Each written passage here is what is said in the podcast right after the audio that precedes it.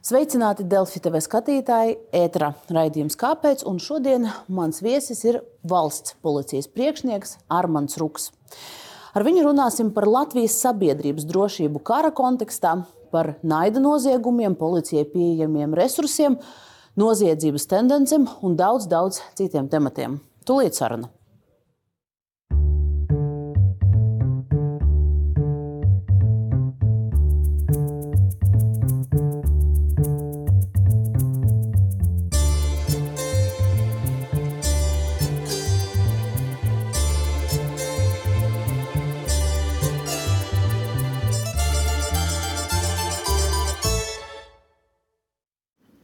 Armāns Ruks, laipni lūgts, kāpēc ēterā.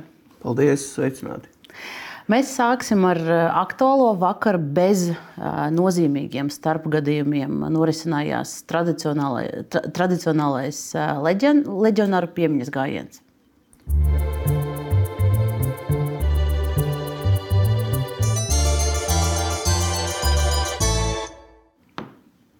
Tad, kā jau teicu, vakardiena pagāja samērā mierīgi. Viens cilvēks ir, ir ticis aizturēts. Vai pirms tam policijai bija jebkādas indikācijas par iespējamām plānotām provokācijām? Divas personas tika nogādātas iecirknī, un, un kopā ir trīs administratīvā pārkāpuma procesi. Bet nu, tik tiešām viss bija mierīgi. Un, uh, bez sācinājumiem būtiskiem. Protams, ka mēs gan paši, gan kopā ar sadarbības partneriem visu laiku monitorējam to situāciju, īpaši tuvojoties šim datumam, kas citus gadus ir raisījis vairāk vai mazāk asu starpgadījumus, un, un, un, un arī vērojām to interesi arī interneta vidē. Viņa nosacīta bija zema. Protams, kāds kaut ko varbūt sociālos tīklos, kaut kādu domu pauž uz vienu vai uz otru virzienu, tad ir kaut kādi cilvēki, kas eh, kaut kā mēģina to uzkult to jautājumu, bet būtībā uh, tas darbs iepriekš ir darīts liels, uh, šī, lai neradītu pēc iespējas šos sācinājumus. Arī dzen, es domāju, ka dažādi domājošās sabiedrības daļas arī ir izdarījušas secinājumus pēdējā gada laikā. Bet šīs, eh, ja es pareizi sadzirdēju, tad trīs eh, šīs administratīvā pārkāpuma lietas, par, par ko tās ir? Uh, nu viens ir viena persona tika nogādāta iecirknī saistībā ar iespējamu pārkāpumu par, par, par gājieniem, sapulcēm, piketiem. Attiecīgi, un otra persona bija aizliegtais simbols, ja pareizi atceros, Georga lentīte un atteicās noņemt, respektīvi divi pārkāpumi arī mm, saka, likumīgo prasību neizpildīšanu, nepārtrauc šo administratīvo pārkāpumu. Bet kopumā viss pamatā būtībā ļoti mierīgi. Nu, parasti tie saspringtie datumi Latvijā ir divi, un otrais, 9. maija vēl ir priekšā. Ko jūs šogad sagaidat no 9. maija? Vai jau ir redzama kaut kāda aktivitāte? Uh, Man ir tā pārliecība, ka mūsu nācija, neatkarīgi no tautības, Latvijā dzīvojošie cilvēki, lielākais absolūtais vairums, tomēr ir nu, tas kopējais intelekts ir gan augsts, un izglītotības līmenis, arī dzīves pieejas līmenis un, un, un, un šī piederība demokrātiskām, tiesiskām sabiedrības pārstāvētām valstīm tomēr Man šķiet, ka nebūs tādu ļoti būtisku sācinājumu, jo, jo nu, pēdējais gads ir daudz ko arī pamainījis. Iepriekš varbūt citādi domājošo cilvēku vidū, un to mēs redzam arī, cik polarizēta sabiedrība bija, kad sākās karš Ukrainā, kā tas turpinājās pirmos mēnešus, kā tas noritēja arī šo padomu pieminekļu demontāžas laikā. Un, un kādi tie sācinājumi bija. Protams, ka uh, ir atsevišķas varbūt grupas un, un, un indivīdi, ja, kas vienmēr izpaudz, izpaudīsies galēji kreisie vai labie. Ja, tā, tad radikāls kaut kāds izpausmes vienmēr var sagaidīt. Priekš tam ir dienesti, valsts policija, valsts drošības dienests, ja, kas uh, apzina šos riskus, monitorē un attiecīgi arī rīkojās. Un es uh, sagaidu, ka mūsu kopējais sabiedrības šīs kultūras un uh, lietu izpratnes līmenis būs augsts. ar izpratni, ar, ar, ar, ar, neaizm, ar, ar propagandas ne, neaizmiglotu pieeju un, un, un arī uh, saprotot vispārējo kopējo ģeopolitisko situāciju, kad uh, tiešām vajadzētu visam noritēt mierīgi. Bet mēs gatavojamies, kā vienmēr, nāks tuvāk arī visi tie sācinājumi, risku izvērtējumi notiksies, tiks vērtēti un, un, un būsim gatavi jebkuram pavērsienam. Eh, Rīgas mērs ir paskaidrojis, ka eh, ap vietu, kur agrāk atradās eh, šis piemineklis, Pārdaugavā Rīgā, paliks vēl joprojām žogs, jo tur ir būvlaukums. Vai no policijas perspektīvas šīs kaut kādā veidā ietekmē drošību tajā dienā? Nu, kā jau es minēju, nu, kaut kāda atsevišķa individuāla izlaiciena, izgājiena vienmēr eh, var tikt sagaidīta. Nu, būsim gatavi, skatīsimies, nu, ko, ko cilvēki eh, gribēs pateikt ar to. Jā, bet policija noteikti tajā vietā būs eh, norīkojumi, būs posteņi. Lai, lai to situāciju uz vietas arī kontrolētu. Un, nu, likums ir likums. Mums ir skaidri un gaiši pateikt, ka slavināšana, attaisnošana, viss pārējais, kas izriet no tā, uh, arī saka, atbalsta paušana naidīgajam austrumu kaimiņu valsts režīmam un tam līdzīgi. Nu, tas viss ir mūsu valstī sodāms darbības. Bet pulcēšanos kā tādu nover, pārtraukt vairs nebūs mērķis policijai 9. maijā, jo tur tie likumi, kas ierobežoja 9. maija pulcēšanos svinēšanu, uh, Tie darbojās vienu gadu tikai. Ir arī likums par pulcēšanos 200 metrus no pieminekļa. Pieminekļa vairs nav. To, to rīku policija ir nu, mazāk šogad. Nu, es teikšu tā, vēl līdz 9. maijam ir laiks. Iespējams, būs kaut kādas ārējā regulējuma izmaiņas. Ja būs vēl paaugstināti drošības riski, ja, tā, tad saskaņā ar likumu par policiju arī valsts policijas priekšnieks ir tiesīgs atkal pieņemt lēmumu, ierobežot konkrētā objekta piekļuvi. Ja, tā tad arī tāda vēl galējā rīcība pastāv. Tāds administratīvais akts, kas pagājušajā gadā arī tika pieņemts pēc 10.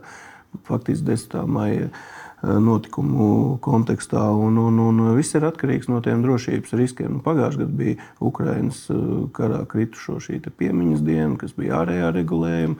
Uh, ietvars, ja nu, raudzīsimies, ko mūsu parlamentārieši ja, arī teiks šajā sakarībā. Jo skaidrs, ka uh, ko mūsu valstī vajag, tas ir uh, sabiedrības saliedētība, vienotība un absolūtu mieru. Uh, neatkarīgi no tā, kāda ir diena. Vai tas ir 9. vai 15. maija un tam līdzīgi. Un uh, mūsu dienestu uzdevums ir nepieļaut provokācijas, neraisīt kaut kādas uh, nekārtības, uh, nepieļaut izraisīt un tam līdzīgi.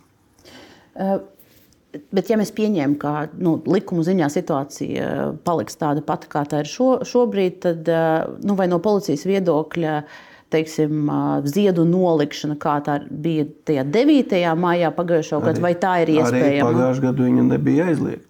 Tā ziedu nolikšana nebija aizliegta, ja, un, un nekāds ārējais regulējums to neaizliedz arī šobrīd. Ja, bet te ir tas stāsts, ar ko, ko ar to ziedu nolikšanu grib pateikt. Ar kaut kādu ar šo georga lentīti vai vēl kaut kā tam līdzīga. Ja, tas ir tas vērtējamais jautājums. Tāpat tās jebkurā gadījumā šī pulcēšanās, ja kāds ir mērķis, tā ir sapulce, tas ir pikets kaut kāds vai, vai, vai, vai kaut kāds kopējs gājiens uz kaut kādu vietu. Ja, tā tad arī tie jābūt pieteiktiem pasākumiem. Ja, Un, un, un nu, raudzīsimies, nu, ja būs kaut kāds ārējais regulējums, kas pateiks, ka vispār tajā dienā nekādi publiskie pasākumi netiek rīkoti, nu, tad tas būs viens stāsts. Ja nebūs, tad skatīsimies no drošības risku izvērtējumu, kāds ir apdraudējums. Un es jau minēju, arī man ir tiesības pieņemt šo lēmumu kā galējo, ja ir paaugstināta drošības riska konkrētā vietā un laikā. Mēs atceramies pagājušā gada 10. māju. 9. viss norisinājās samērā mierīgi, bet tad 10. bija tā slavena, kā iegansts, tika paņemts tā ziedu nošķurēšana. Un, Un, uh, un tad pie pieminiekļa notika pulcēšanās. Uh, pēc būtības tas, kas tur ir noticis, bija Krievijas attaisnošana, slavināšana, kara atbalstīšana. Iespējams, ka ne visi skatītāji atcerās, kā tas izskatījās. Bija jau laiks, jau ir pagājis. Nelielu fragment no kolēģis Dācis Tirānas sižeta no LTV mēs tūlīt nospēlēsim un tad, uh, tad runāsim tālāk. Pēzor, pēzor, pēzor! Они хотят внимания, они его получили. До свидания. Так, запоминаем лицо вот этого фашиста. Фашиста, фашиста. Daudzi neslēpa atbalstu Krievijas iebrukumam Ukrainā. Intervijās Latvijas televīzijai atbildot uz jautājumu, ko viņi domā par karu Ukrainā, daudzi atkārtoja Kremļa izplatītāko propagandu.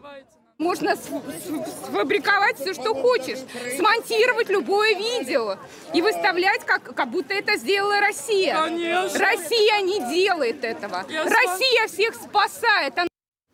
Nu, jūs redzat, cilvēks ir Nu, viņam ir tā uztvere tāda, tas ir viens, ir, kas ir nācis no bērnības līdzi un ģimenē ieaudzināts, otrs ir tas, kas ir nu, dzīvo citā informācijas telpā un ar pilnu pārliecību.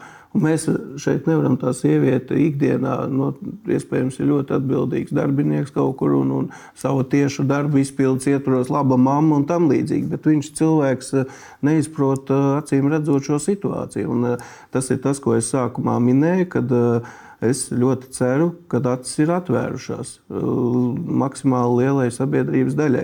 Par policijas rīcību un visam, ko jūs gribat jautāt, nu, mēs izdarījām secinājumus. Mēs jau turpmākajās dienās, jau arī, kad bija visi tie notikumi rāts laukumā un tam līdzīgi, ja, tā, tad uh, mēs to pieeju pamainījām. Mēs arī esam audzējuši pieredzi.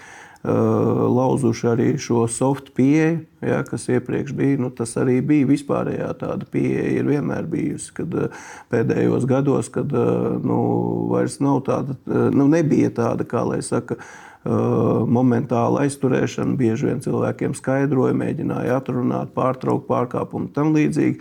Un policisti tā bija pieraduši strādāt. Tāpēc arī izpalika tās asās varbūt rīcības, jā, tieši nu, tajā brīdī un netika saulēcīgi pietiekoši aktīvi reaģēts. Es... Mēs esam gatavi.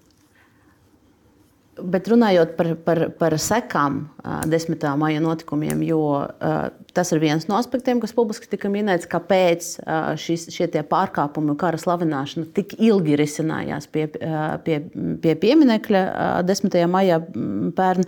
Bet viens, viens no tādiem kliedzošākiem iespējams aspektiem atziņām ir tas, ka Daļa no komandieriem uz vietas nepildīja pavēles, arī nu, jūsu pavēles izklīdināt to pūli. Var noprast, ka sekas ir bijušas. Vien, viens policijas darbinieks ir, ir atlaists, trīs bija pazemināti. Bet mans jautājums ir, vai dienas pārbaudē noskaidrojāt, kāpēc nepildīja pavēles? Kāds bija tas iemesls? Kā jau minēju, iepriekš iepriekš jau ilgus gadus. Tā, nu, policija arī visu laiku tāda ir, nu, kā lai saka, līdzīga sabiedrība attīstības procesā. Nu, es sāku arī strādāt reāli 90. gados, jau beigās, ja, un, un, un tā bija viena pieeja. Uh, mēs tik daudz tajā laikā, nu, kā sabiedrība, ļoti maz runājām par cilvēktiesībām. Tā bija, tas ir fakts. Uh, bija asāki, varbūt arī šie policijas uh, reidi un, un Eh, kā lai saka, bieži vien sabiedrība arī pieprasa šo tādu asu, varbūt arī spēku pielietošanu. Tas viss tas ir tā polarizēšanās. Ja? Tā tad eh, vienmēr ir bijis eh, šis stāsts par to, ka demokrātiskā tiesiskā valstī problēmu mēģinam risināt miermīlīgi. Šeit iztrūka kā lai saka, asākas reakcijas, pakārtot konkrētai situācijai. Jo nu, viena daļa tur arī bija gados veci cilvēki un viss pārējais. Un, nu, jā, nebija pietiekami profesionāla rīcība. Tas ir tas fakts, un, un šis ir tas viens iemesls, kāpēc policists tā darīja. Tā mēs nekonstatējām pārliecību, kad nekonstatējām to Uh, iemeslu, kad uh, policists būtu bijis noskaņots līdzīgi kā tas pūlis. Nē, absolūti kategoriski noraidu. Un, un, un, un uh, tādi, tāds fakts nav konstatēts, un būtībā pat tai situācijā nav sajust. Jo viens, ko es varu vienkārši pateikt, lai iezīmētu, viens no tiem arī cilvēkiem, kas bija atbildīgais tajā pasākumā, bija nu, nosacīt nu, no zemākā līmeņa atbildīgajiem. Ja, Viņš pēc tautības bija Ukrāņš, kuram ļoti sāp situācija Ukrajinā. Bet vienalga tā pieeja nebija pietiekoši profesionāla. Un, un, un tas ir vienkārši mūsu paša dienesta iekšienē, arī viss pārkārtotas tās pieejas un viss. Nu, jo arī policisti ir tikai cilvēki, nonākot konkrētā iepriekš nebijušā situācijā, sāsinātā situācijā, kad tev ir jācīnās ar pensionāru, ja, kurš bļauj tur slavu, slavu, Putinam un tam līdzīgi. Ja. Nu, nestandarts. Tā brīdī tas bija nestandarts, bet secinājumi ir izdarīti, dienests ir gatavs. Nu, policisti, kā jau, kā jau mēs runājām, policijas darbinieki ir viens šīs situācijas aspekts, un otrs, kā jūs, jūs jau pēc tā fragmenta nospēlēšanas minējāt, ir paši uh, likuma pārkāpēji. Un te es gribu vienu fragmentu parādīt no jūsu intervijas, uh, kas, uh, kur ir notikusi īsi pēc šiem notikumiem.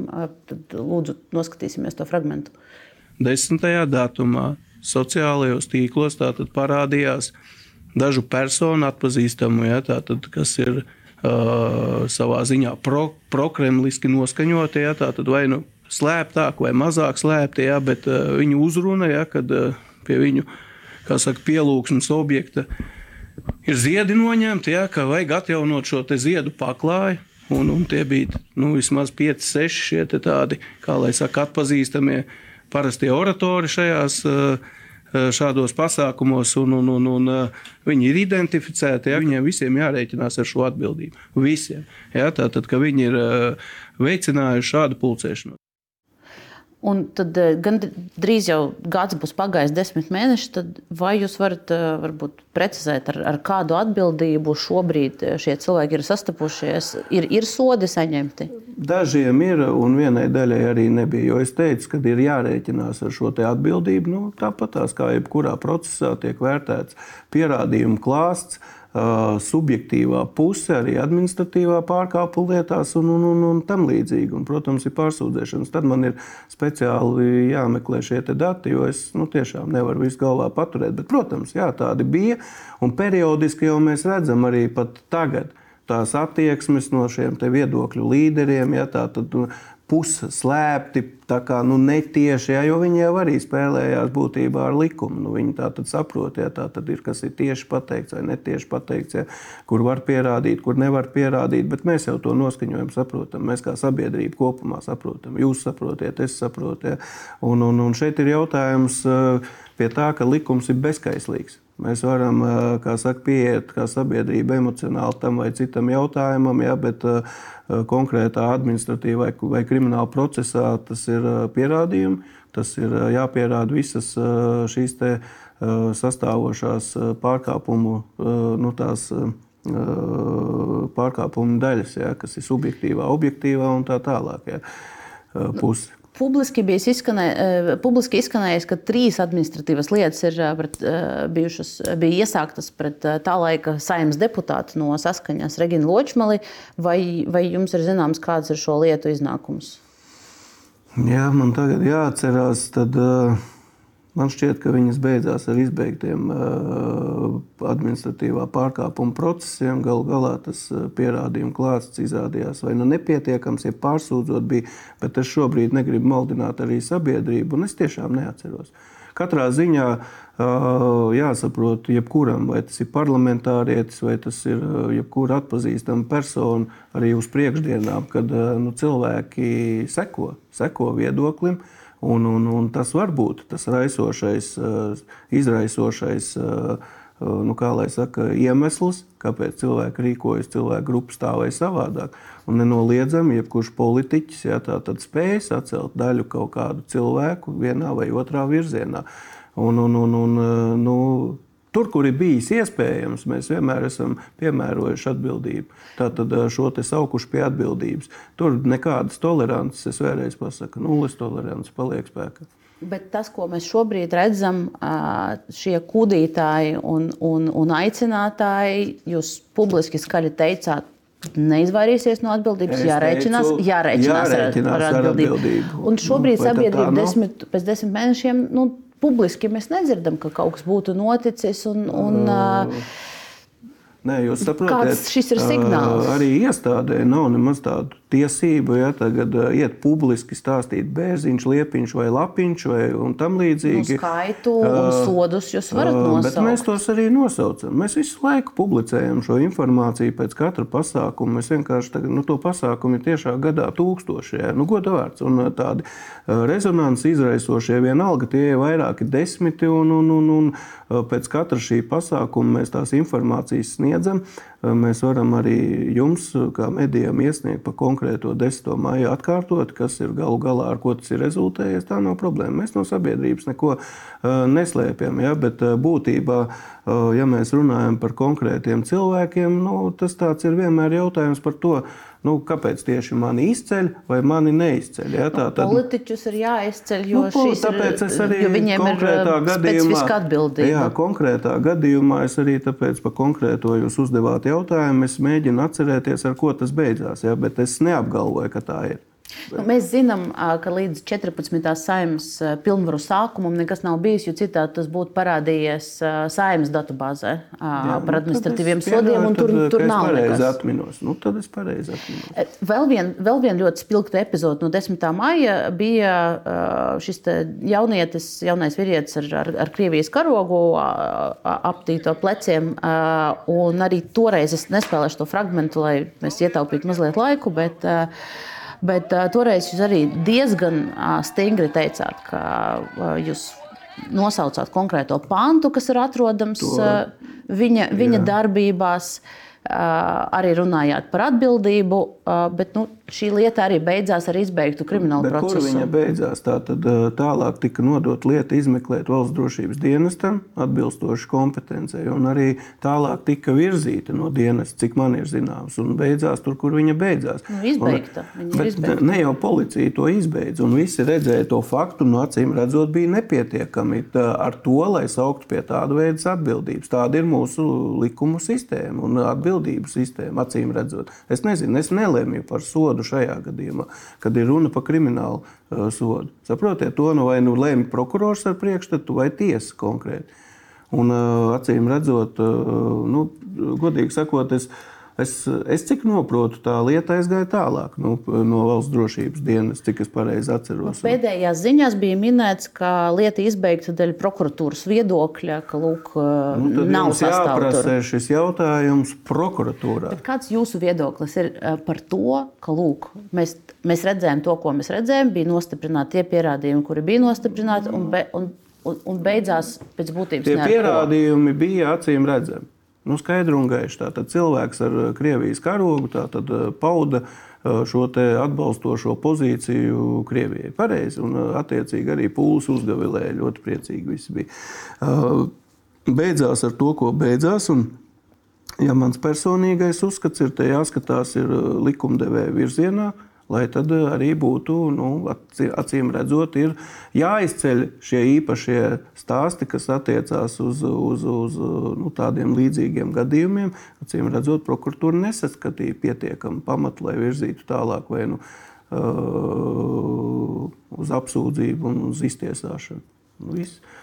Es tev varu atbildēt prokuratūras vietā. Mēs visi redzējām, pierādījumu Jūs varat uzskatām. novērtēt viņu darbu. Iespējams, jūsu ieskatā tas, tas ir ā, nu, pārāk. ā, ā, Jebkurā gadījumā uh, šeit uh, ir konkrēts amatpersonas, kurš darbojas krimināla procesa ietvaros un uh, vērtē šo pierādījumu kopumu tā tālāk. Nu, man grūti pateikt, ir tagad, es pat uh, nezinu konkrēto prokuroru, kas šo lietu virzīja vai nevirzīja tālāk. Uh, Lēmums ir pieņemts. Attiecīgi, man, kā sabiedrības pārstāvim, nekā valsts policijas priekšniekam, jo man ir jārīkojas strikti saskaņā ar likumiem. Jūs piekrītat, un arī kā sabiedrības pārstāvim, kā, kā, kā Armandam Rukam, parastam Latvijas iedzīvotājam, no malas skatoties, man arī šķistu dīvaini tā viegli izsakoties, bet nu, mēs esam tur, kur mēs esam. Eh, Tajā pašā uh, intervijā, ko es jau nospēlēju, vienreiz uh, fragment, uh, jūs uh, arī minējāt, ka visiem tiem cilvēkiem, kas tur sapulcējušies un, un, jūs, nu, uh, un, un kliedza slavinot Putinu un Krieviju, uh, tur, tur jūs diezgan precīzi teicāt, būs procesi. Un minējāt, ka identificēti tika aptuveni 20 cilvēki. Jautājums, vai, vai, bija vēl, vai ir vēl bija procesi uh, par Nu, dalībniekiem? Pie tiem materiāliem, tika strādāts attiecīgi iecirknīkam piekritīga tā teritorija, tātad zemgals iecirknī, Rīgas zemgals iecirknī. Nu, tika identificēts vairākas personas, nu, vērtētas tās darbības, bet es. Sodi nu, tā, bija? Nu, atsevišķi sodi noteikti bija viennozīmīgi. Es nevaru, nu, es nevaru tagad pateikt, nu, tas ir gadu veci, gandrīz notikumi, katru dienu jaunu izaicinājumu. Nu, es nenēsāju galvā līdzi šo te, kā lai saka, skaitļus, ja tam nav tik būtisks pat varbūt tās nozīmes. Būtībā ir tas, ka būtībai kādai jābūt, lai rezultāts vai, vai pat ir tas sots vai nav tas sots, lai mums sabiedrībā tā situācija uzlabojās. Un tas ir jautājums, kuru mēs varēsim atkārtot uzdot 9. maijā, paskatoties uz kā spēsim mēs kā dienests darboties, cik organizēti un cik izlēmīgi un, un, un atbilstoši situācijai. Otrs, kāda ir kļūst mūsu sabiedrība pa šo gadu un kas ir mainījies. Jo nenoliedzami mums joprojām sabiedrībā, to mēs redzam sociālos tīklos, kur arī nevienmēr var pateikt, ka tie ir cilvēki, kas pie mums uh, uzturās, ka tie ir mūsu vietējie. Ja? Tātad, uh, bet jebkurā gadījumā mēs redzam šīs izpausmes, mēs redzam, nulle kā policija aizturēja ja, vienu personu, kas bija kas mums ir pazīstama, jau redzes lokā nonākusi nevienu reizi vien, ja, tātad, kur savā, kā saka, mājokļa logos bija izkarinājusi visu, ko var izkarināt, ja, lai slavinātu šo te un tam līdzīgi. Šobrīd atkal ir uzsākts krimināla process attiecīgais, ir persona īslaicīgi aizturēta, tālāk, nu, būtībā pēc piekritības mums būtu jāvirza atbilstoši krimināla procesa likumam, valsts drošības dienestam. Un kur un kāda būs tā gala tā, tas lēmums? Es nezinu. Visi pierādījumi nofiksēti. Mēs izdarījām savu darbu, kā policija mēs rēģējām. Mm, nu, tā tad tas ir stāsts par to, ka iespējams nu, vienmēr vērtējot to samērīgumu Eh, nedrīkst aizmirst arī, ka eh, nu, nedrīkst no viena grāva ielikt otrā grāvī. Es nerunāju par konkrēto gadījumu. Tur ir galīgi viens grāvis, tur ir pilnīgi nu, nepārprotami. Es nezinu, kas to cilvēku attieksmi var izmainīt. Bet eh, būtībā ar likuma grozījumiem, izmaiņām arī vienmēr ir jābūt uzmanīgiem. Mēs nedrīkstam pazaudēt to. Nu, demokrātijas pamatus un tiesiskuma pamatus. Tas ir ļoti svarīgi pat šajos sarežģītajos apstākļos pat šajos sarežģītajos apstākļos. Tāpat laikā vēlreiz saku, nulle tolerants. Nevienu nekur netaisamies glābt, piesekt un vēl kaut ko. Un arī dienestā iekšēji. Tas ir, lai sabiedrībai skaidrs, mums uh, nav pilnīgi absolūti nekas pieņemams, kas ir saistošs uh, slavināt vai attaisnot Krievijas agresiju Ukrajinā kategoriski nav pieņemams, un kategoriski mēs darīsim iespēju robežās visu, lai šos cilvēkus sauktu pie atbildības, uzsākt attiecīgos procesus. Mēs visu nevaram apkarot, nespējam uzreiz pasakot, bet neviens visā pasaulē nespēja apkarot visus pārkāpumus. Ir, ir vairāki, vairāk gadījumi, šis ir saistīts ar iepriekšējo tematu. Ir um, iespējami ja naida noziegumi pret cilvēkiem, kas, kas, kas nāk no Ukrainas vai, vai uh, kas um, kaut kādā veidā izrāda publiski savu atbalstu Ukraiņai šobrīd. Es, uh, mēs varētu detalizēt iziet, tur bijuši, bijuši vairāk gadījumi, kas nonākuši publikas uh, priekšā, bet uh, es katram varbūt cauri neiešu, bet es īsi uzskaitīšu. Tad viens ir bijis gadījums, kur Valērijas Lazarevs ir uzbrucis un piekāpts jaunietim, jaunieti ar Ukraiņas karogu. Tad ir, ir bijuši divi gadījumi ar taksometru vadītājiem. Vienā gadījumā sieviete ir lūgusi ne, nespēlēt Krievijas himnu un tikusi izmesta aiz matiem no taksometra. Citā gadījumā Krievijas opozicionāra Bažena Malašenka stāsta, ka bijusi, ka viņai sejā iesita taksometra vadītājs jo viņi pauda savu atbalstu Ukrainai. Konflikts Andrejostas kvartālā Rīgā. Šos gadījumus visus apvieno Tur dažādi stāsti ir, bet tos apvieno pirmā policijas darbinieku reakcija. Malašenko šai Krievijas opozicionārai viņa citē policijas darbinieku, kurš teica, jūs pati neesat ukrainiete, tad kāpēc jūs tā uztraucat? piekautā jaunieša ar Ukraiņas karogu gadījumā tur arī priekš, priekšraksts par sodu. Un nu, tas ir nozīmīgs. Bet, nu, labi, okay, es tā neteikšu, ka galīgi visus atceros, bet lielāko daļu no šiem gadījumiem atceros. Piekautais jaunietis ar Ukraiņas karogu. Mēs uh, apgriezām Rīgu otrādi un to personu aizturējām. Kā policija, krimināla policija nostrādāja. Un, uh, jā, situācija, kad izrādījās, ka tas ir kopā dzīvo ar policijas darbinieci. Bet šobrīd viņam šis naida, naids, kā, kā, kā atbildību pastiprinošs apstākļus, ir, ir kvalificēts. Tas būtībā prokuroram, kurš piemēroja priekšrakstu, ja, sākotnēji pēc tam tika pārsūdzēts, ja es tā pareizi atceros, un tam līdzīgi es to galu noslēgumu nezinu. Man liekas, ka vēl nav. Man liekas, ka vēl nav negala noslēgums pēc pārsūdzības. Tiesā, tiesā, tiesā. Jā. Nu, tad uh, skatīsimies, kas tur būs tiesā. Bet tas ir jāvērtē arī. Uh, arī uh, process pat no policijas. Pat ja tā mūsu izmeklētājs tagad nevar apgalvot, bija vai savādāk, vai, vai, vai nebija, pat ja viņa nav nofiksējusi šo te, uh, iespējamo atbildību pastiprinošo apstākļu, es aicinu ieklausīties. Atbildība pastiprinošs apstākļus. Tā tad uh, naids iespējamais nacionālais, vai etniskais, vai sociālais, jebkurš naids. Tātad 48. pants, 1. daļa, 14. punkts. Tas ir nosakot sodu, tāpat kā vai ir alkohola reibumā, vai savādāks, vai ir atbildību, mīkstinošs apstākļus, labprātīga atzīšanās un tam līdzīgi, ja, tur, un, un tā, tā nožēlošana un tā tālāk. Tas ir jāņem vērā, nosakot sodu. Un te ir jautājums pirmais pie prokurora Ja, tad, vai viņš tajā brīdī, kad process aizgāja, viņš arī tajā brīdī bija procesa virzītājs. Un, jebkurā gadījumā, var papildus ja, veikt arī izmeklēšanas darbības. Vai arī dzen, tagad tiesā, kad būs, vai tas ir pietiekami nostiprināts, vai tas ir pietiekami uh, pierādāms, jā, mēs visi nojaušam. Mēs visi nojaušam, ka subjektīvās puses, tātad motivācijas pamatā, ir iespējams bijis šis naids. Tāpat laikā tā ir, tam, tas ir jāpierāda. Bet tas ir darbs juristiem. Saprotiet? Nu, te ir jautājums, es, jā, es atļaušos jūs pārtraukt. Te ir jautājums, piemēram, ja mēs skatāmies uz, uz šo Krievijas opozicionārs gadījumu.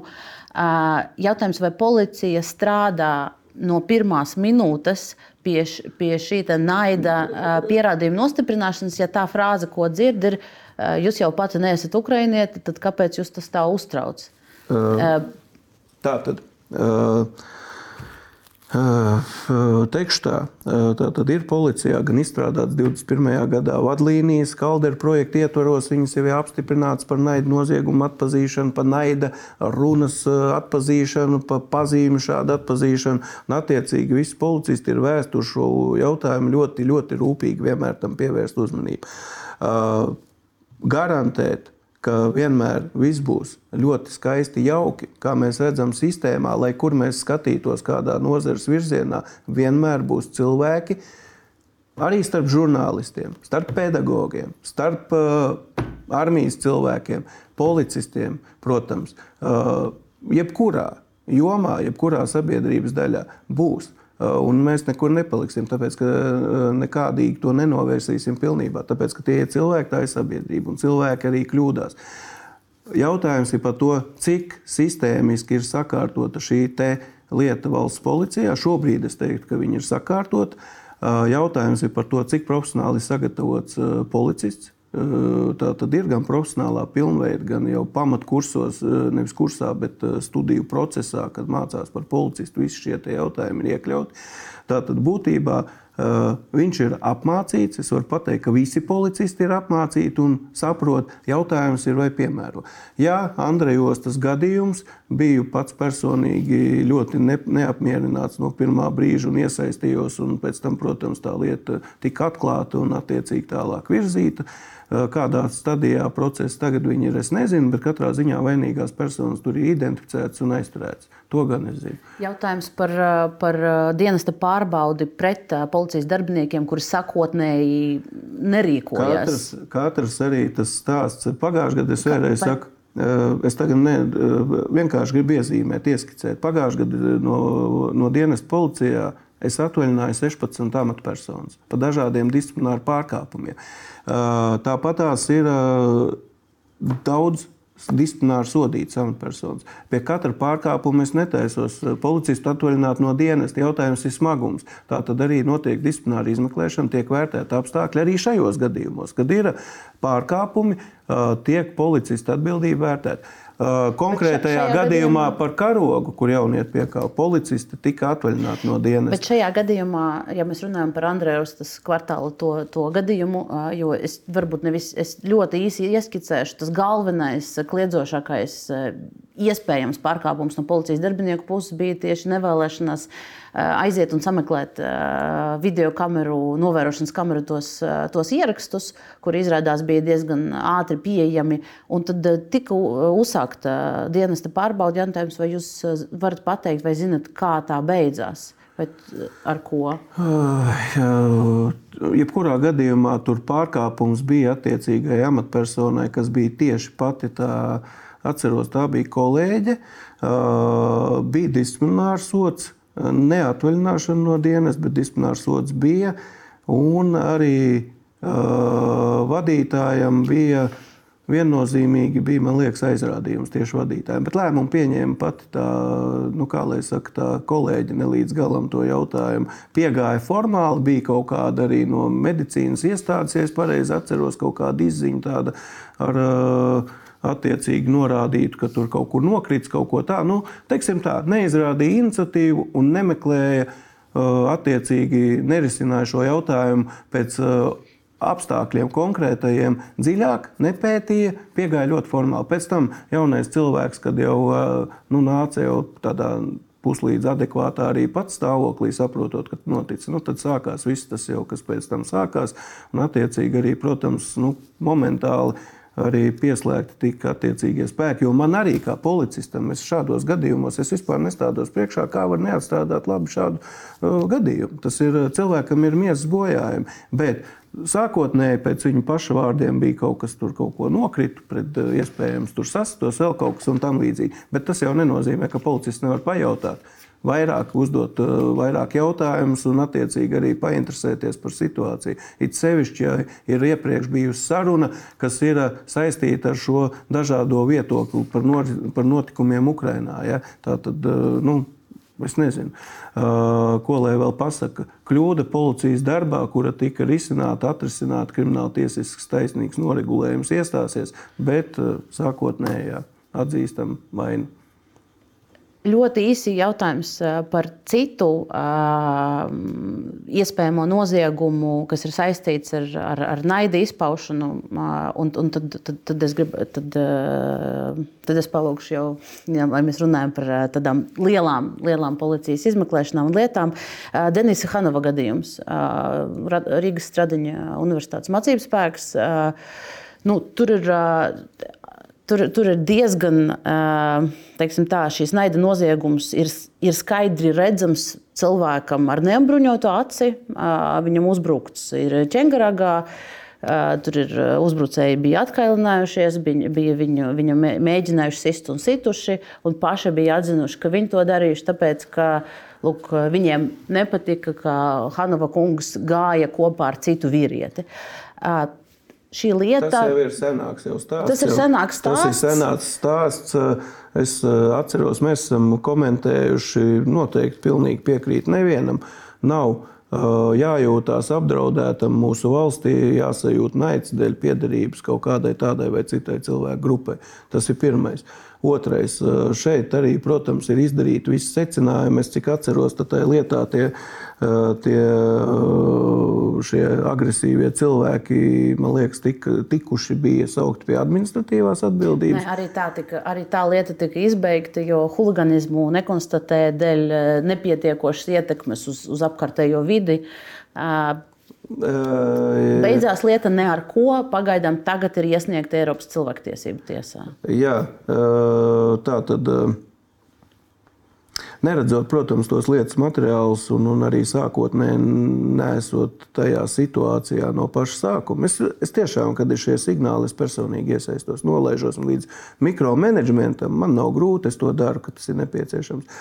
Bet šeit jā, tā situācija noteikti nav laba, bet cik es atceros arī ka bija problemātika ar gan lieciniekiem, gan nekāda arī tur video kaut kāda ieraksti. It kā vismaz nu, es pats notikuma vietā nebija. Nebija pieejama, respektīvi, tur bija kaut kādi vārdi pret vārdiem. Tā man apmēram atmiņā tas ir viss. Bet skaidrs, ka ne jau tagad Hanau kungs gāja speciāli un tagad vērsās policijā aiz neko darīt un rakstīja par šo situāciju. Tur tie noziedznieki paši, iespējamie paši, ir, ir, ir liecībās pamatojuši savu rīcību ar to, ka lūk, viņiem nepatika, nu, ka, ir, ka viņi gāja kopā ir, divi vīrieši. Man ir jebkurā gadījumā prieks, ka Hanau kungs neklusēja, ka šis jautājums ir ieguvis rezonanci un tiek virzīts. Un, attiecīgi arī nu, tātad, tur, kur viņš ir, šis jautājums šobrīd lai vērtē pēc būtības. Man tiešām grūti ir neredzot konkrētu protokolu, neredzot konkrētu paskaidrojumu, neredzot šo te Eh, lietas materiālus, pateikt, eh, ka eh, nu, viss ir tik viennozīmīgi vienkārši. Bet, jebkurā gadījumā, šiem gadījumiem tiek pievērsta pastiprināta uzmanība. Mēs ļoti ejam uz to, lai mūsu sabiedrība, nu, kā lai saka, te, šis te naids, vardarbība sabiedrībā, ja, tā tad, nu, nu, kā lai pasaka, vēl joprojām mēs redzam, ja tiek atvērts šis te klubs skapis, ja uzreiz sociālos tīklos sākās kaut kādi šie no, no komentāri, dažādi, dažādi saturi un ar, ar to dažādo sajūtu. Tā tad vēl joprojām ir cilvēki, kas un visādās aprindās, dažādās sabiedrības aprindās, kas slēpti vai, vai mazāk slēpti, ja, bet to noskaņojumu mēs jūtam. Ja. Šobrīd te, tie pēdējie dati no, no organizācijas Mozaika ir, ka pagājušo gadu pēc viņu, pēc viņu informācijas ir deviņi iespējamie uh, naida noziegumi, kas ir jau nu, fiziskie. Un, uh, un upuri nav vērsušies policijā. Jautājums, vai tas nav rādītājs, ka tās uzticības nav? Un jautājums, kāpēc tās nav?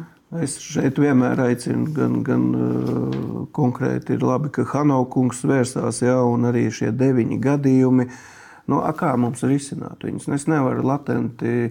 Uh, mēs varam latēt to noziedzību ar operatīvām darbībām. Mēs cīnāmies jā, teiksim, ar uh, narkotiku vielu nelegālu apriti, jā, tātad, uh, kur ir liels latentums arī. Nu, ja policija slikti strādās vai paši nevēr, nedarbosies šajā jomā, jā, tad šo iesniegumu par par eh, to, ka kāds tirgo narkotikas, ja, būs ļoti maz. Nu, viņi ir maz būtībā. Ja netirgo kaut kur kaimiņos vai kāpņu telpā kaut kāda narkomāna, tur eh, nelietotās narkotikas. Uh, šeit ir tāda veida noziegums, kur nu, no latentās vidas ir diezgan sarežģīti iegūt šos datus policijai. Tāpēc es aicinu cilvēkus visus šos deviņus ja, gadījumus Nu, nāciet, rakstiet iesniegumus, pievēr, pievērsīšu personīgu uzmanību, un attiecīgi arī mēs, policija, taču arī mainamies. Nu, mēs cenšamies kļūt labāki, modernāki, efektīvāki. Es nesaku, ka mums viss ir lieliski un līdz lieliski vēl ir tālu, bet mēs ejam tajā virzienā. Noteikti, ka eh, Kaspars Zālītis eh, zina mani personīgi ļoti labi.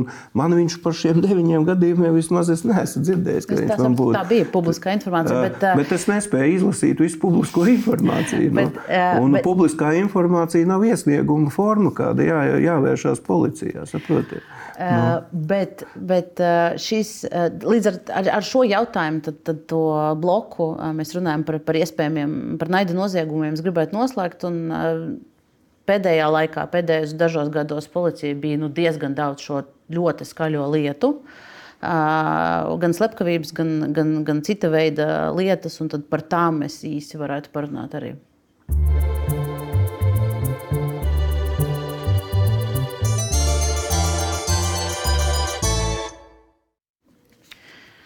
Nu, iespējams, pēdējos gados šis, šis viennozīmīgi skaļākais noziegums ir advokāta un maksātnespējas administratora Mārtiņa Bunku slepkavība 18. gadā. Uh, joprojām diezgan skaļi uh, skan stāsts par to, ka 16. gadā viņš ir vērsies ar iesniegumu par draudiem no cilvēka, no Mihaila Uļmana, kurš šobrīd ir arī apsūdzēts bunku slepkavībā. Tagad, skatoties, Vai, vai po, policijā ir, ir pārliecība, kas, ka ar šo iesniegumu par draudiem tika strādāts uz 120%, un tur nevarēja neko izdarīt vairāk? Tādos gadījumos eh, nu, tiek tiešām pievērsta šī maksimāla uzmanība, un, un eh, cik man atmiņa neviļ, tad tur uh, arī ar pašu Bunkus kungu tika risināti jautājumi gan, gan par šo te iespējamu liecinieku aizsardzības programmu un tam līdzīgi. Ja. Bet noteikti nu, nekad nevar pateikt, cilvēks ir nogalināts. Tātad acīm redzot, es liktu šeit droši vien kopā nu, divas lietas. Tātad acīm redzot, noteikti iespējams varēja kaut ko izdarīt vairāk, lai to novērstu. Bet vienlaikus arī vienmēr tas ir atkarīgs no cilvēka arī paša. Jo arī tā pati šī persona speciālā aizsardzības programma, vai tas ir liecinieks, vai cietušais, vai potenciālais cietušais, viņš arī ir iespējams tikai un vienīgi uz uh, brīvprātības principu. Nevienam to nevar piespiest. Un tad ir stāsts par to, ka ar operatīvām darbībām un visu pārējo tātad, eh, tiek eh, veikta noteikti pasākumu kopums un uh, taktiskās kombinācijas, lai, lai novērstu šādu veidu noziegumus. Uh, šajā gadījumā tas nav ticis izdarīts, nav, nav, uh, nu, saka, nav bijis kopējais tas stāsts ar, ar, ar, ar, ar veiksmīgu iznākumu cilvēkam. Bet uh, es gribu atzīmēt, ka pagājušā gadā mums sagatavošanās stadijā ir septiņas slepkavības novērstas. Mēs strādājam visu laiku, un uh, mēs diemžēl nespējam, neviens visā pasaulē nespēja būt nu, tik jaudīgs, lai novērstu visus šādus noziegumus. Un uh, šeit ir stāsts vēl par to, ka arī jāsaprot, kas ir pretī, kas ir pretinieks. Jo kas ir šis cilvēks, nu, vispārīgi es tagad runāju, kas pasūta noziegumu, ja, cik ir šie līdzekļi pieejami, kādi tiek resursi iesaistīti, cik profesionāli šie cilvēki, kas veids pasūtījumus, slepkavības, tiek iesaistīti, cik ilgstošā laika periodā tas tiek gatavots. Un kā mēs zinām no izmeklēšanas, no operatīvā darba, uh, detaļas. Es nezinu, vai vispār kādreiz varēs atklāt, ja, bet nu, šeit ar šādu neko mēs vēl sastapušies tā īsti nebijām iepriekš ar šādu līmeņu gatavošanos un vispār, jo tas bija ļoti ilgstošs process, kā jūs redzat. Un, un, un, un es tiešām ļoti lepojos ar kolēģu paveikto, ka mēs esam tik tālu, cik esam, bet šobrīd arī svinēt uzvaru, ja, ka taisnība un tiesiskums ir uzvarējis, varēs tikai tad, kad būs notiesājošs tiesas spriedums. Viss turpinās, šobrīd viss turpinās. Bet uh, mums, kā policijai, ir pilnīga pārliecība par to, ko mēs esam darījuši, virzījuši un ko mēs esam kādā veidā pierādījumus ieguvuši. Tā kā skatīsimies, kas notiks tālāk. Ir, ir jau arī citas, kā jūs teicāt, izmeklēšana turpinās. Un, un vienā no sižetiem man kolēģi, žurnālisti no raidījuma nekā personīgi ir minējuši, ka Un, tas, un tā informācija ir bijusi no, no pašas policijas oficiāli, ka bunkus lietā nozieguma pēdas slēpa nevien paši noziedznieki, un šis ir citāts, bet pretdarbība notika arī pašā policijā. Uh, Mūs arī mēģināja dezinformēt vairākas reizes. Šis ir policijas augstā ranga darbinieks citāts jautājums, vai šajā virzienā turpinās izmeklēšana, vai, vai jūs zinat, kurš ir, kurš ir šo pretdarbību veicis un kā? Nekomentējot nu, detaļās, varu pateikt to, ka operatīvās informācijas ietvaros mums ir diezgan tiešas nojausmas un sapratne par to, kas un kā ir noticis. Bet, nu, kā lai pasaka, līdz tādai stadijai, ka varētu šobrīd pateikt, ka krimināla procesāli tas tiks pierādīts, es nevaru. Vēl joprojām, saprotiet, šis ir jāskatās kā lieta kopumā. Bet krimināla procesa par šo ir? Jā, šis ir process par šo. Tā paša. Jā. Šis ir process arī par šo. Saprotiet? Un tas viss ir jautājums par to. Nu, parasti izdala, ja es pareizi saprotu, tad parasti, parasti atsevišķi noziegumi var, vēl izdala. Jautājums, vai ir izdalīts process tieši par traucēšanu. Šis ir tas jautājums, ko tādā izmeklēšanas kontekstā nu, šobrīd es nevaru komentēt. Vienkārši pilnībā nevaru komentēt. Es tikai varu pateikt, ka tas, kas ir pateikts, tāda sajūta arī turpmāk virzoties noziegumam pa pēdām, ja tā var izteikties, tāda sajūta bija. Un atskatoties pagātnē, nu, kaut kādā veidā šī puzle arī saliekās ar netiešām aizdomām par atsevišķu amatpersonu vai nu apzinātu bezdarbību vai nu, vienkārši neprofesionālitāte, bet vairāk es liecos uz apzinātām kaut kādām bezdarbībām, varbūt pat darbībām. Neprasiet uzvārdus, neteikšu. Es ļoti īsi uz šīs, uz šīs nocis atvadīšos no RTV skatītājiem. Tur ētrā mūsu laiks ir beidzies, bet sarunu, sarunas turpinājumu RTV skatītāji varēs noskatīties Delfī TV ētrā ierakstā. Es tomēr atļaušos vēl, vēl par šo uzdot jautājumus, jo, jo pētot ma materiālus par šo lietu, visu, kas medijos tika pateikts, iespējams, te ir kļūdos, bet tā puzle arī saliekas no, no dažādiem gabaliņiem. Bija ziņas par to, ka Bunkus slepkavības lietā ir iegūta dati par to, ka kāds no policijas darbiniekiem ir nepamatoti vācis informāciju par šo lietu. Tad mēs redzam, ka kā eh, Andrejs Ozinovs lietā, kurš līdz 20. gada nogalē bija Rīgas krimināla policijas pārvaldes eh, priekšnieks. Viņa krimināla lietā, kur ir apsūdzības, ir valsts noslēpuma vākšana un minēts, ka mājās pie viņa tika atrasti kaut kādi materiāli. Nu, te man jājautā, vai šīs ir saistītas savā starpā? Nu, nevaru es komentēt. Nevar es īpaši neko komentēt. Puzli var lasīt dažādi kopā. Jautājums ir par to, kā viņi var salikt un lai tā puzle pēc tam neizjūg. Mums ir svarīgi visiem, ne kā sabiedrībai, arī, arī tiesība aizsardzības iestādēm šo puzli ne tikai salikt un, un pierādīt un parādīt pēc tam to bildi sabiedrībai, bet arī lai viņi neizjūg. Tāpēc es nekomentēšu. Bet eh, noteikti varu pateikt, ka mēs eh, policijā esam darījuši visu iespējamo, lai šie cilvēki, šādi cilvēki, vairs nestrādātu dienestā. Tad šie cilvēki, par kuriem ir uh, signāli, ka tur varēja būt darbība, vai, vai pretdarbība, vai bezdarbība bunkus lietas izmeklēšanā, tās amatpersonas uz, uz šo brīdi policijā vairs nestrādā. Pareizi, jā, es sapratu. Katrā ziņā, kam būtu būtisks svars un ietekme tajā visā uh, stāstā, uh, šobrīd man ziņu nav, ka tāda strādātu policijā. Uh, viens vēl policijas darbinieks, kas ir, kura vārds ir izskanējis sakarā ar šo izmeklēšanu, uh, nu, tādā negatīvā, negatīvā kontekstā bija Jānis Kapostiņš, arī ticis atstādināts brīdī, kad tika ierosināta disciplināra lieta. Viņš bija krimināla izmeklēšanas pārvaldes pirmās nodaļas priekšnieka vietnieks. Vai šobrīd ir zināms, kā šī pārbaude, kā, kā šī disciplināra lieta ris, nu, norisinājās?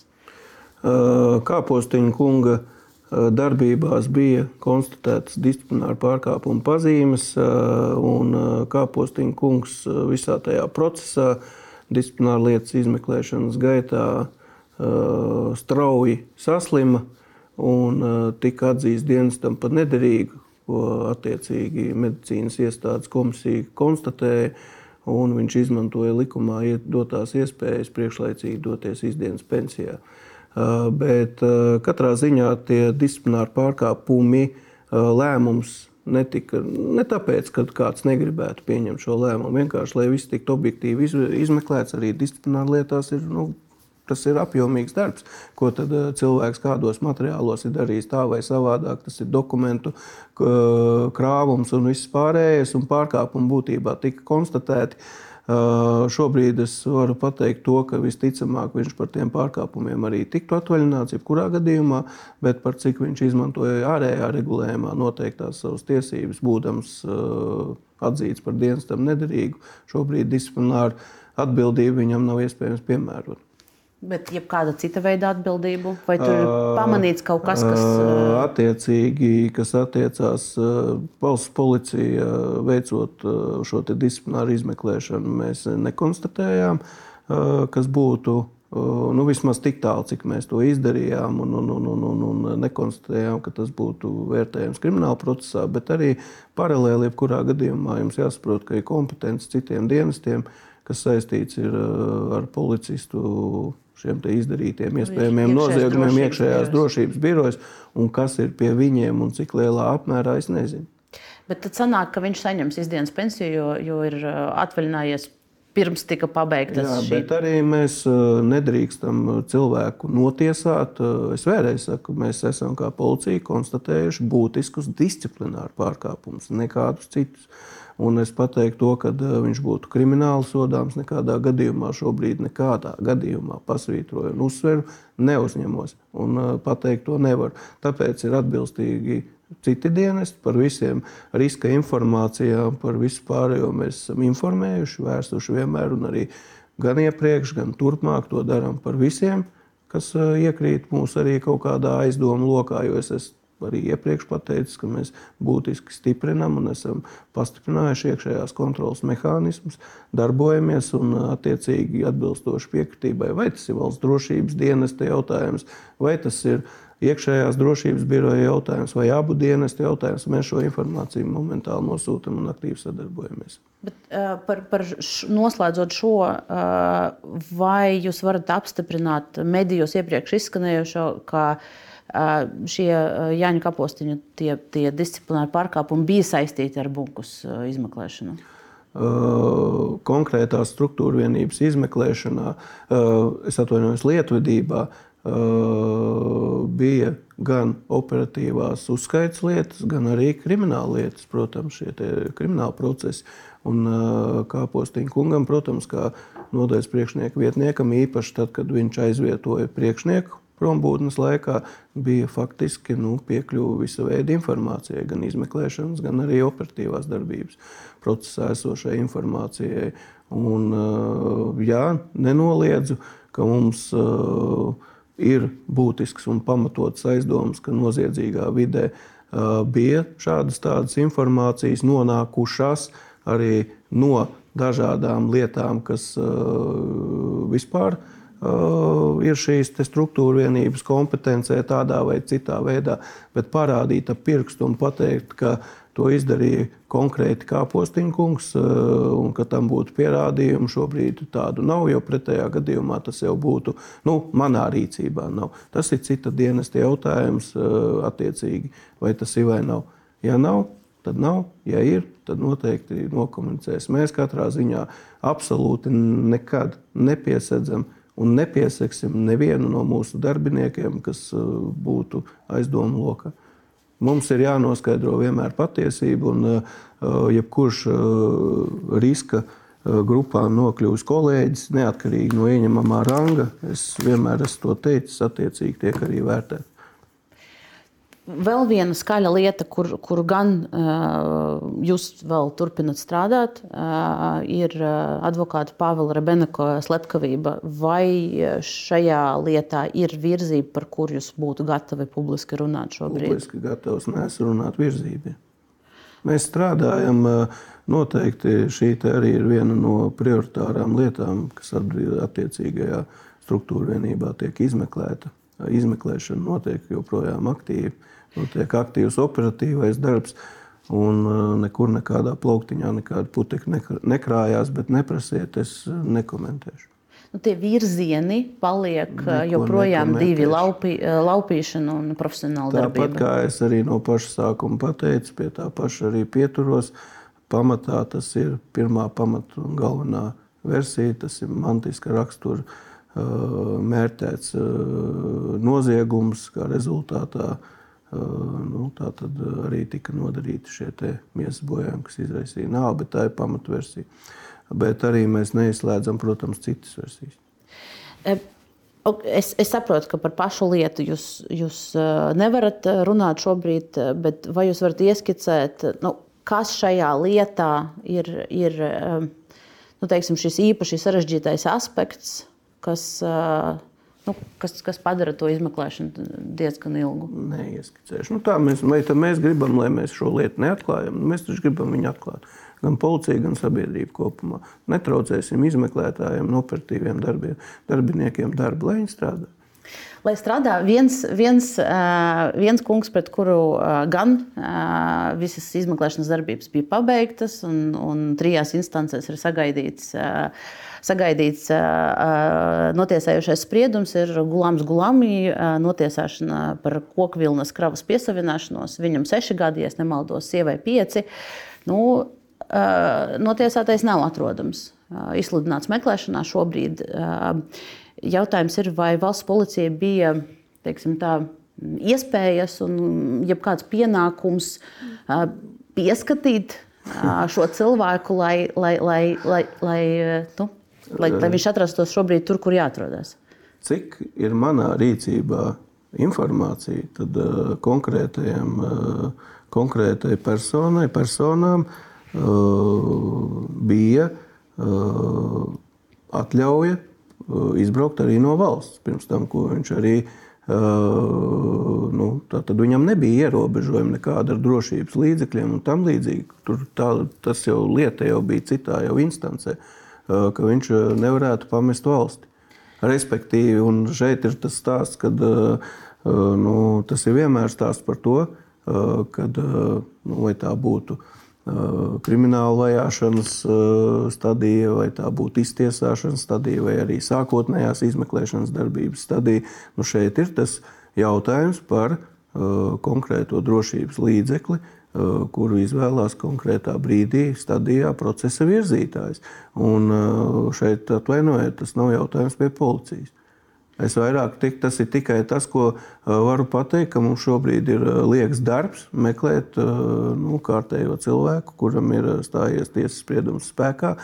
Nu, gan jau kā atradīsies. Nu. Nu, policijai jāsaka, arī ir nu, pat nodota apsūdzības izvirzīšanai arī cita lieta pret šo pašu cilvēku. Jautājums, nu, šīs drošības līdzeklis, vismaz aizliegums izbraukt no valsts, varēja būt šajā citā lietā. Un, ja nebija, tad jautājums, nu, kā, kā, kā, kā, kā iespējams nepamanīt, ka viņam nu, ka ir, ka ir tendence teiksim, tā, vai, vai riski, ka, ka nozudīs. Vēlreiz saku, tā tad katrs konkrēts procesa virzītājs saskaņā ar likumu ir tas, kurš ir pirmais atbildīgais un tiesī, nu, tiesība viņam ir piemērot atbilstoši konkrētajiem apstākļiem šo te, uh, konkrēto drošības līdzekli un tam līdzīgi. Bet ir, ir šobrīd, līdz, līdz nesenam laikam, es nenu, nepateikšu precīzi datumu, bija lieta arī policijā vēl viena pret to pašu Gulamikungu. Un, nu, jautājums, vai tas nozīmē, ka tās, tajā, tajā lietā izmeklēšana nepamanīja, ka, ka, ka, ka nu, kaut kur viņš plāno pazust? Nu, es vēlreiz saku, tad, kad mēs ejam pēc apcietinājuma, vai kad tiek piemērots aizliegums pamest valsti, mainīt dzīvesvietu un tam līdzīgi, ja, tā tad vērtē to procesu virzītājs. Šobrīd skaidrs, ka man arī liekas ļoti dīvaini, kad ir, nu, saka, stājies spēkā spriedums. Ja, un, attiecīgi, ir atkal jāiegulda resursi, lai cilvēku meklētu un lai šo spriedumu varētu izpildīt. Piekrītu, sistēmiski ir izveidojies noteikti apstākļu kopums, kas nav pats jaukākais un sabiedrībai izprotamākais. Tā skaitā man. Bet no, no jūsu teiktā, tad, tad es secinu, ka Glamikungs ir atrodas ārpus valsts. Es tā nevaru apgalvot. Nu, tā, tāpēc, tā, tas, nē, tā varēja saprast. Nē, es vienkārši stāstu, ka cilvēkam nebija liegums pārvietoties. Bet vai ir ziņas, vai viņš ir Latvijā šobrīd? Es nevaru. Man tad ir jāinteresējas pie, pie, pie, pie, uh, pie mm, konkrētām amatpersonām, kas tur ir uh, par šo jautājumu. Bet es arī aicinātu, arī ja Gulamī kungs uh, dzird, tad, tad nu, tomēr respektēt tiesas šo spriedumu, kas ir stājies spēkā un, kā lai saka, atbilstoši likumā noteiktai kārtībai pieteikties un uh, doties to sodu arī izciest. Jo agri vai vēl Tad uh, meklēšanas procesi ir iedarbināti, un agri vai vēl tāpat tās nāksies atbildēt. Un tas tikai var uh, vairāk to laiku vēl pa, uh, nu, pavilkt vēl garāk visu, šajā, visu šajā lietā un tā tālāk. Nu,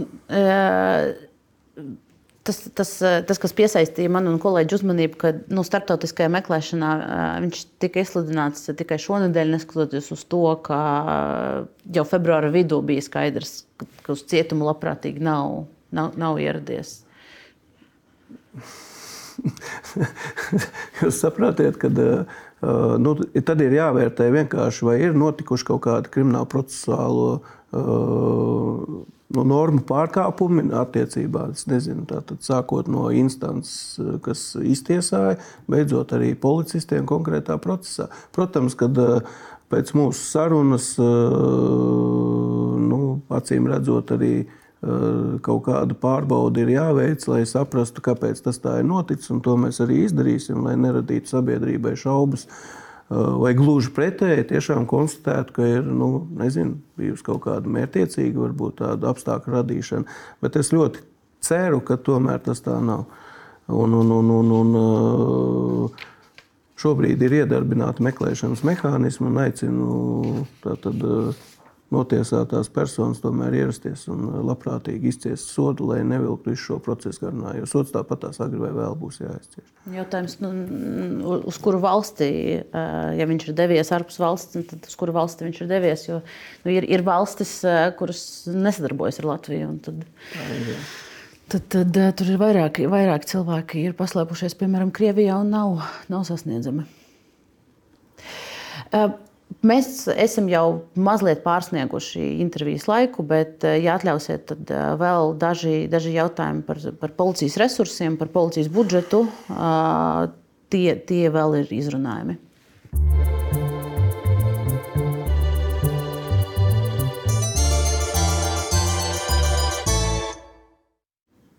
Šogad uh, valsts policija mm, pēc ilgu, gadu, pēc ilgu gadu gaidīšanas ir saņēmusi arī finansējumu iecirkņu remontiem Rīgā.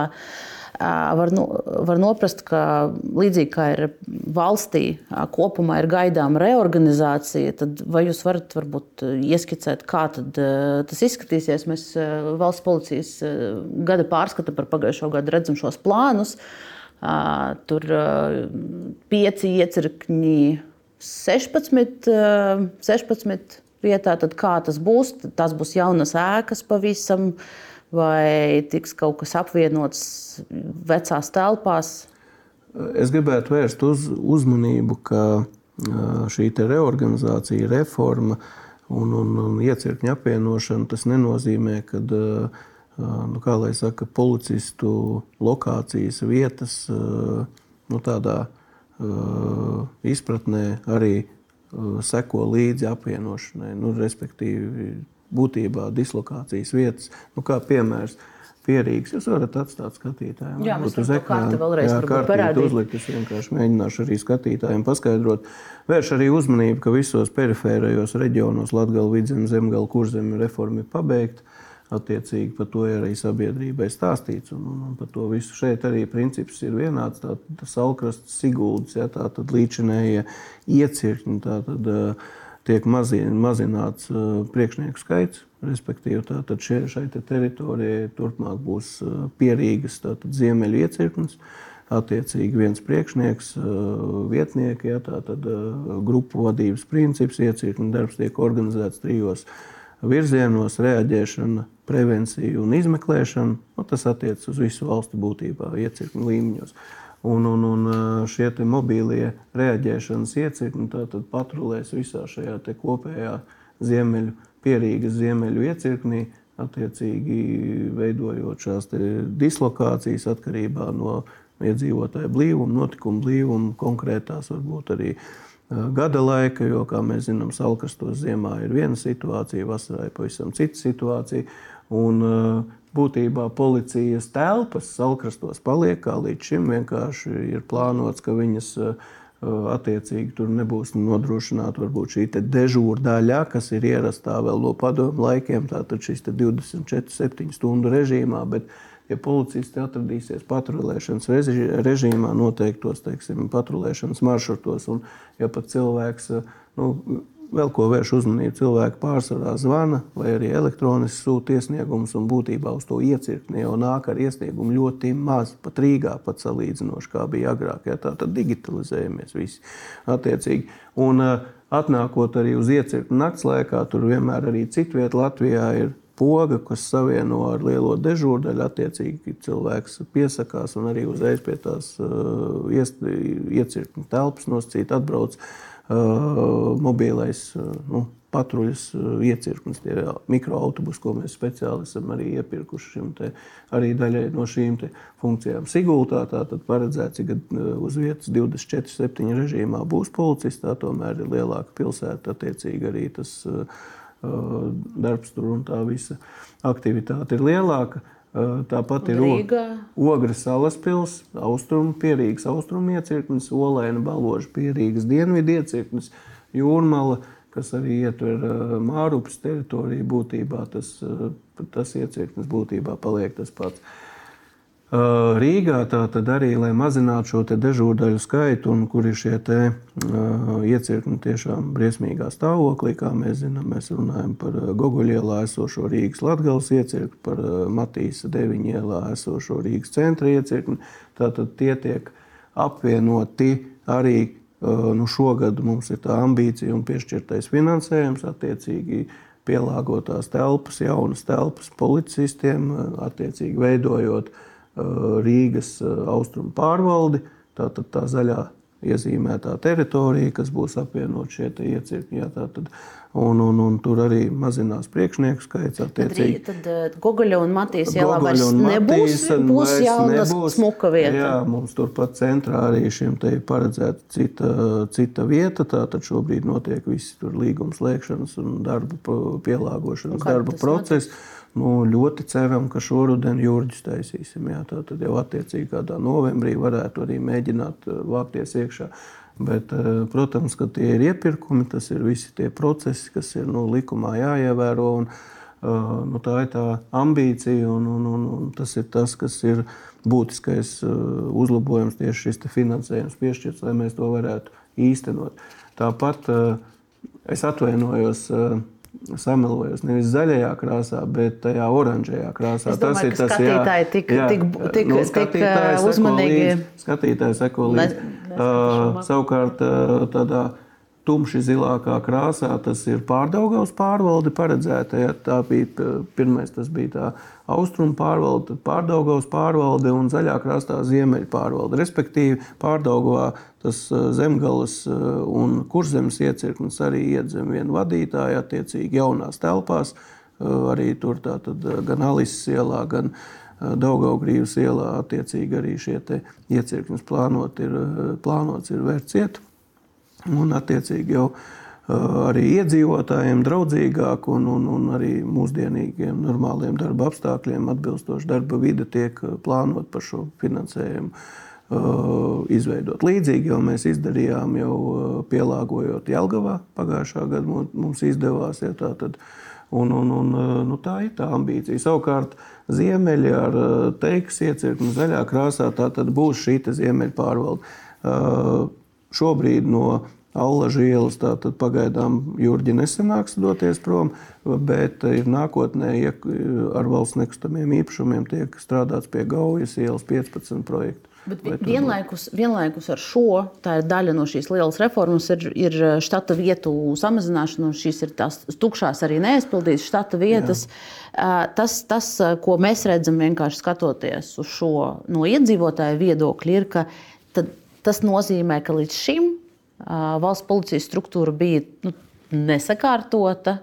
Un ka, ka nezaudēt kvalitāti, vienkārši var nogriezt uh, nu, tur tuvu pie 10% uh, procentu nu, to štata vietu. Uh, ko nozīmē vienkārši nogriezt? Nu, mēs redzam, ka visās nozarēs mums trūkst cilvēku. Latvijā iedzīvotāju skaits samazinās, un, un policija nav izņēmums. Respektīvi, pēc tā vecā darba modeļa. Es nesaku, ka kādreiz viņš bija nepareizs. Vienkārši bija cilvēki, bija, kas varēja aizpildīt tās štata vietas, šobrīd, un tad bija tāda darba organizācija, nebija digitālo tādu rīku galu galā arī to tehnoloģisko risinājumu. Ja?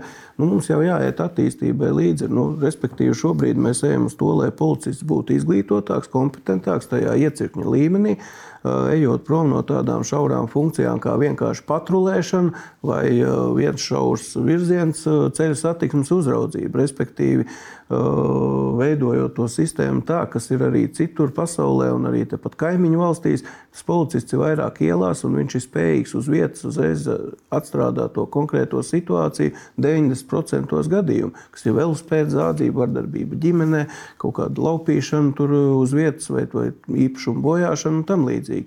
Kad jau ir tiešām nezinu, bruņot laupīšana vai, vai cilvēks nogalināts. Ja, un tam līdzīgi tad jau pieslēdzās nākamais līmenis, kas ir reģionālie krimināla policijas biroji vai Rīgā pārvalda attiecīgi ar birojiem pa novirzieniem, vai jau pavisam, teiksim, līdzīgi pasūtījums slepkavība, tad jau slēdzās klāt jau organizētās noziedzības smago un sēriju veidu noziegumu apkarošanas pārvalde. Nu.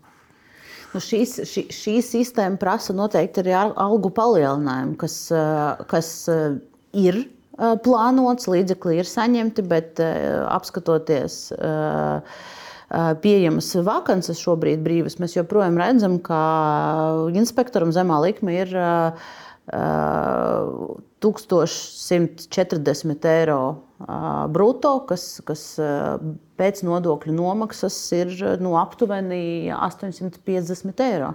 Mums arī par šo ir ienākuši jautājumi, kur, kur, kur acīm redzami policijas darbinieki raksta, ka nu, tie ir 900 eiro.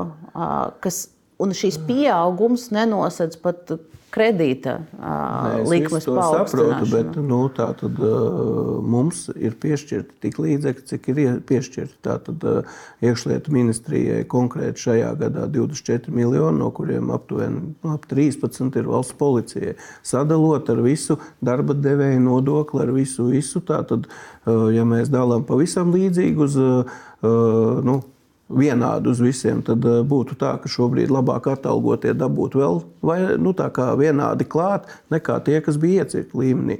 Mēs fokusējam šobrīd, eh, cik varējām sadalīt uz, eh, tieši uz iecirkņa sadaļu. Iecirkņi kaut kur tas pieaugums ir aptuveni netī, nu, bruto 140 eiro, kas ir nu, tas mērķis bija vismaz, lai tas simtnieks uz rokas nāk klāt. Jā, kaut kur tas inspektoram, kas ir tikko pēc koledžas un tā tālāk, tie varētu būt starp 950 un 1000 eiro uz rokas bez virsstundām un naktstundām.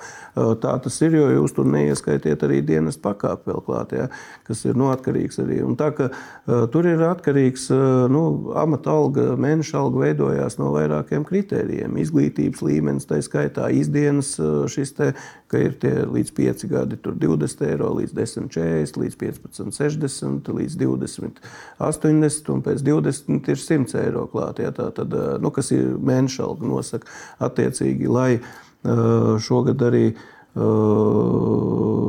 atradām juridiski korektu risinājumu, lai tie, kas ir sasnieguši 50 gadu jau slieksni, pagarinājuši dienestu un kas šogad sasniegs, mēs neatkarīgi no ieņemamā amata šiem cilvēkiem, kas ir manā skatījumā viennozīmīgi pareizi arī no valstiskas pieejas, tie cilvēki, kas ir vēl psiholoģiski un fiziski spējīgi turpināt pildīt pienākumus, viņi ir sagatavoti, mēs viņiem tagad piešķiram piemaksu vienādi visiem neatkarīgi 120 eiro. Tas ir tas, ko mēs varam atļauties. Šogad eh, būtībā sanāk, ka eh, uzdo, šogad, eh, ieskaitot tie, kas nāks klāt, šogad varētu pensionēties 419 cilvēku vēl pilno pensiju saņemot. Šobrīd tas ir nu, milzīgs, milzīgs risks būtībā, jo dienests arī noveco. Jo vēlreiz es jau esmu iepriekš stāstījis, ka nu, 90. gada sākumā bija 12, 13 tūkstoši policistu. Šobrīd mēs esam zem 5 tūkstoši jau palīduši. No nu, amatpersonas speciālo dienas pakāpi 965 ir uz 1. februāri. 4930 ir amatpersonas ar speciālo dienas pakāpi, 965 ir brīvlīguma darbinieki. Un tad ir jautājums, ko mēs darām, lai tā tad komplektētos.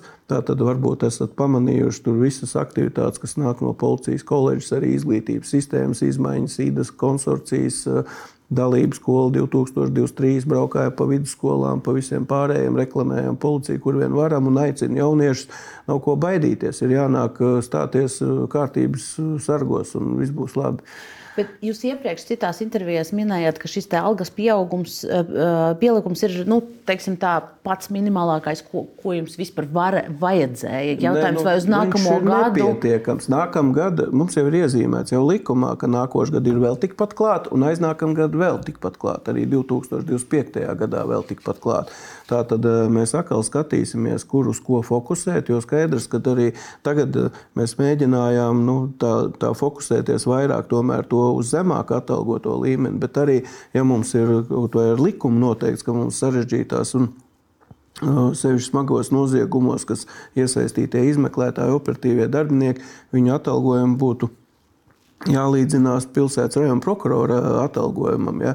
Nu, netiekam mēs tam līdzi, arī valsts kontrolas atzinums par to. Ja? Tātad, bet tas jau nav tāpēc, ka mēs to negribam. Mums tik cik iedod, tik iedod. Un šogad būtībā, ja tā būtu visu laiku, gan infrastruktūrai, gan, gan arī atalgojumam būtu gājis jau nu, gadu no gada, ja? tas nu, tas pamats papildinājums, nebūtu arī tādu problēmu. Šobrīd jau ir jācīnās ar tādām ielaistām problēmām. Nu, tās ir sekas.